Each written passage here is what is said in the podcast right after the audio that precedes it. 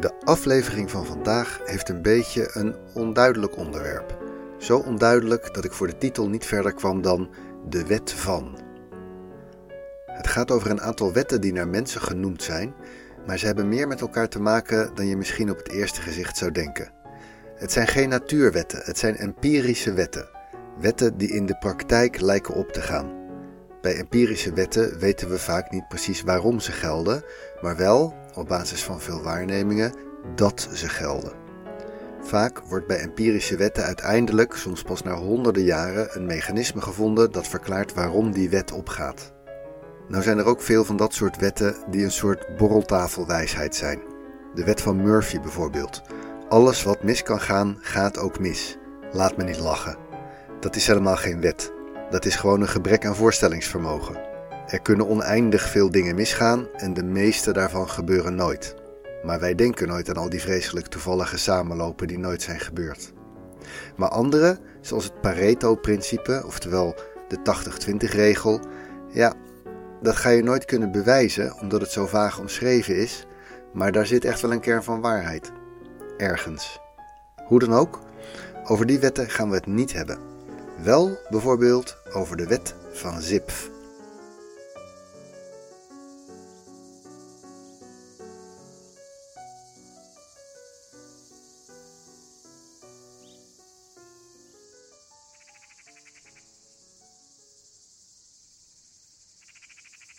Het is 1912 en we zijn in de prachtige Villa Mondragone in het Italiaanse plaatsje Frascati.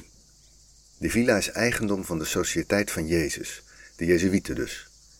In de villa hebben ze het hoofdkantoor voor een aantal van hun Italiaanse internaten gevestigd en ook de bibliotheek van de Italiaanse Jezuïeten is er ondergebracht. De bijeenkomst van vandaag is een puur commerciële. De Italiaanse Jezuïeten hebben een probleem. In de voorafgaande decennia is de kerkelijke staat ontmanteld en onderdeel geworden van het Koninkrijk Italië.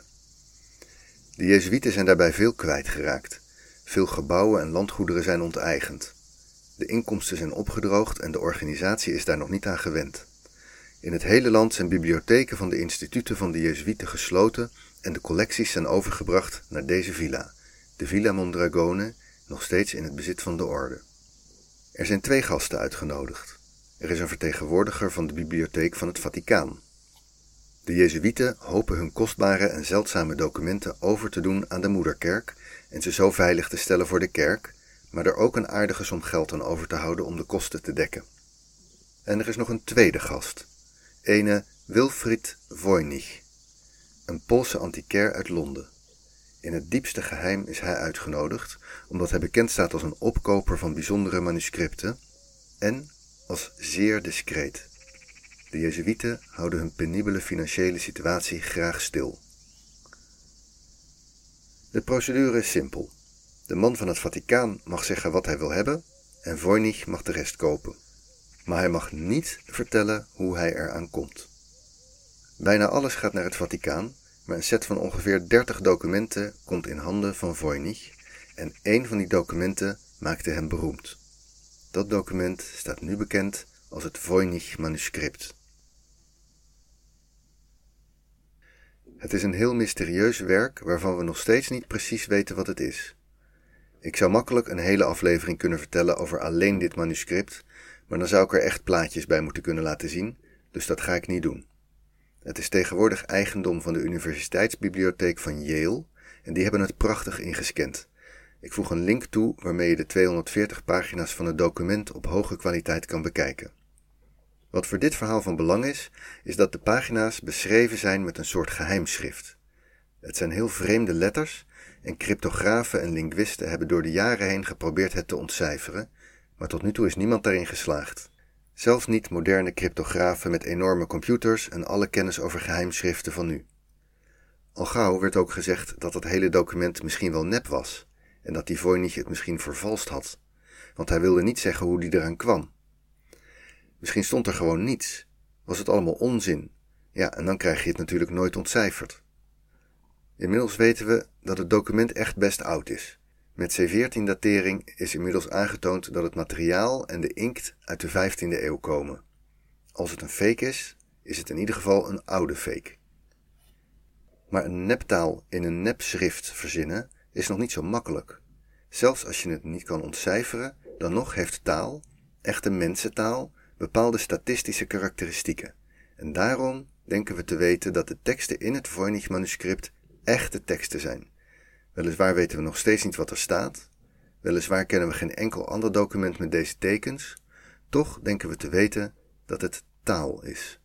Het voldoet namelijk aan de wet van Zipf.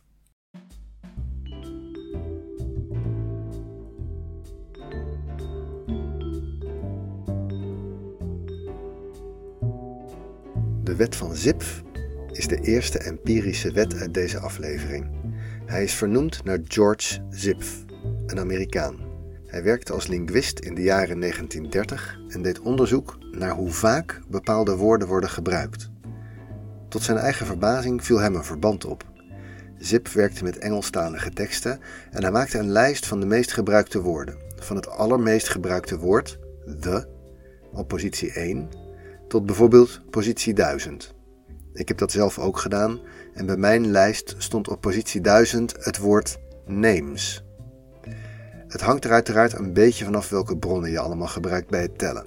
Ik heb de volledige tekst van de Engelstalige Wikipedia gebruikt. Anyway, Zip vond een merkwaardig verband. Het tweede woord kwam ongeveer half zo vaak voor als het eerste.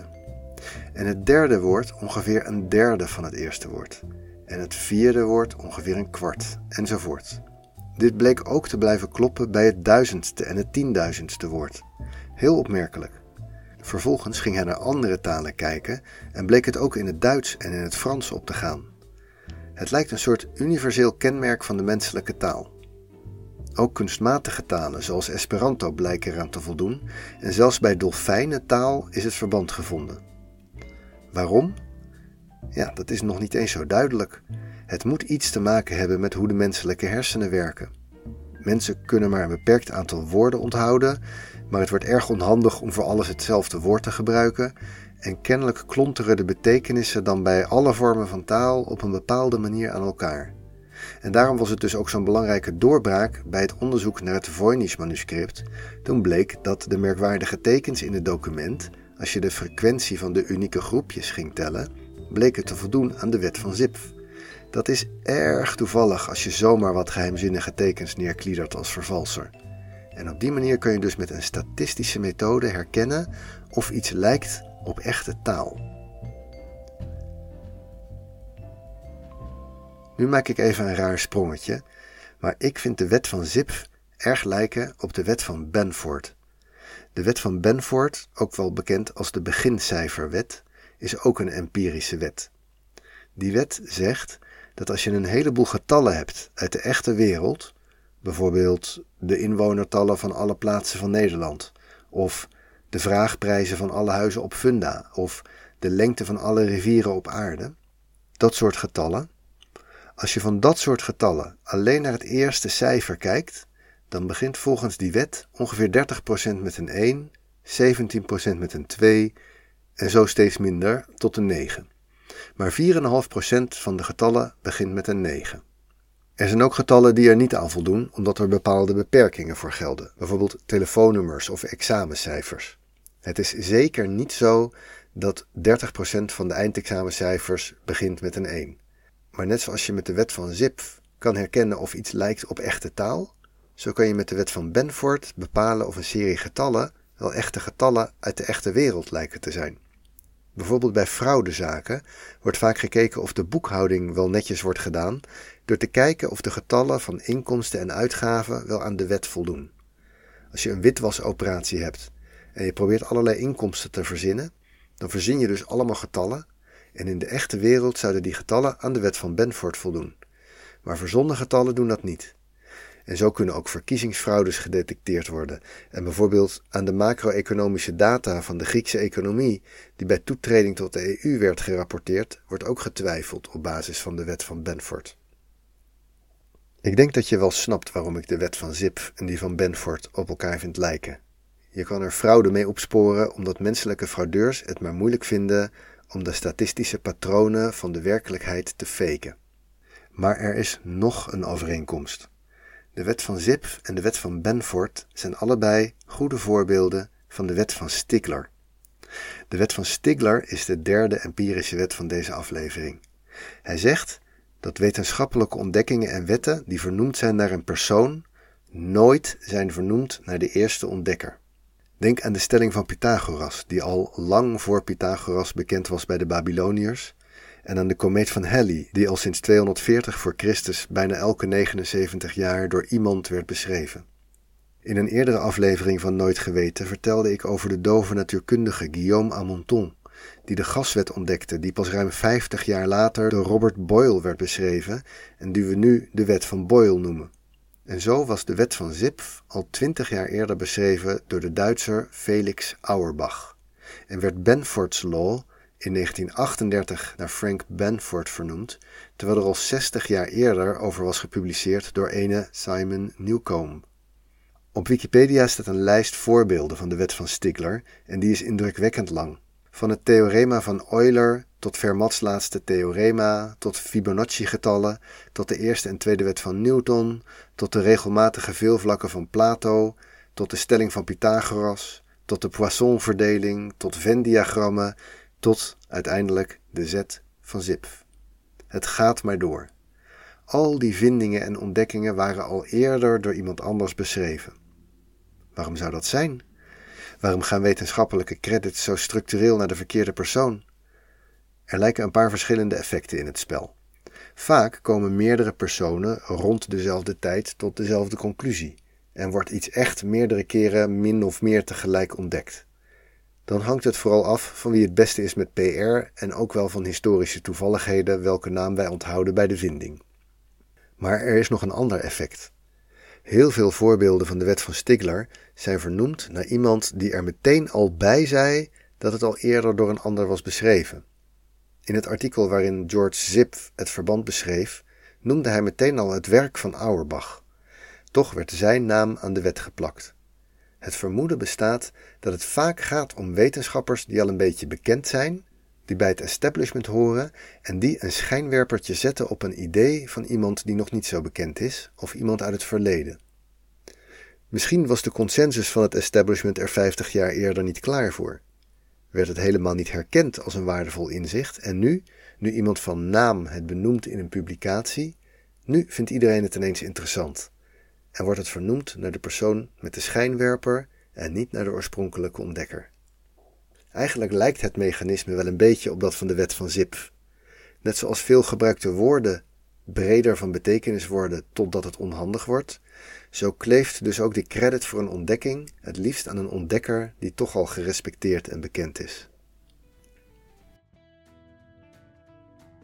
Oh ja, nog één ding. Je vraagt je misschien nu af of de wet van Stigler zelf misschien ook. Ja, natuurlijk. Stigler gaf in zijn eigen artikel al aan dat het verschijnsel al was beschreven door de socioloog Robert Merton en bij wijze van grap gaf hij zijn artikel de titel Stigler's Law of Eponymy, dus Stiglers vernoemingswet. En het werkte precies zoals de wet voorspelt. Dit was aflevering 50 van Nooit Geweten.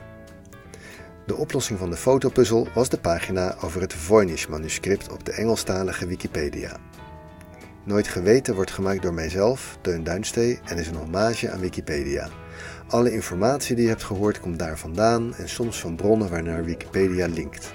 Je vindt meer details over dit onderwerp via de links in de show notes. Ook vind je in de show notes een Wikipedia fotopuzzel waarmee je kan uitpuzzelen waar de volgende aflevering over gaat.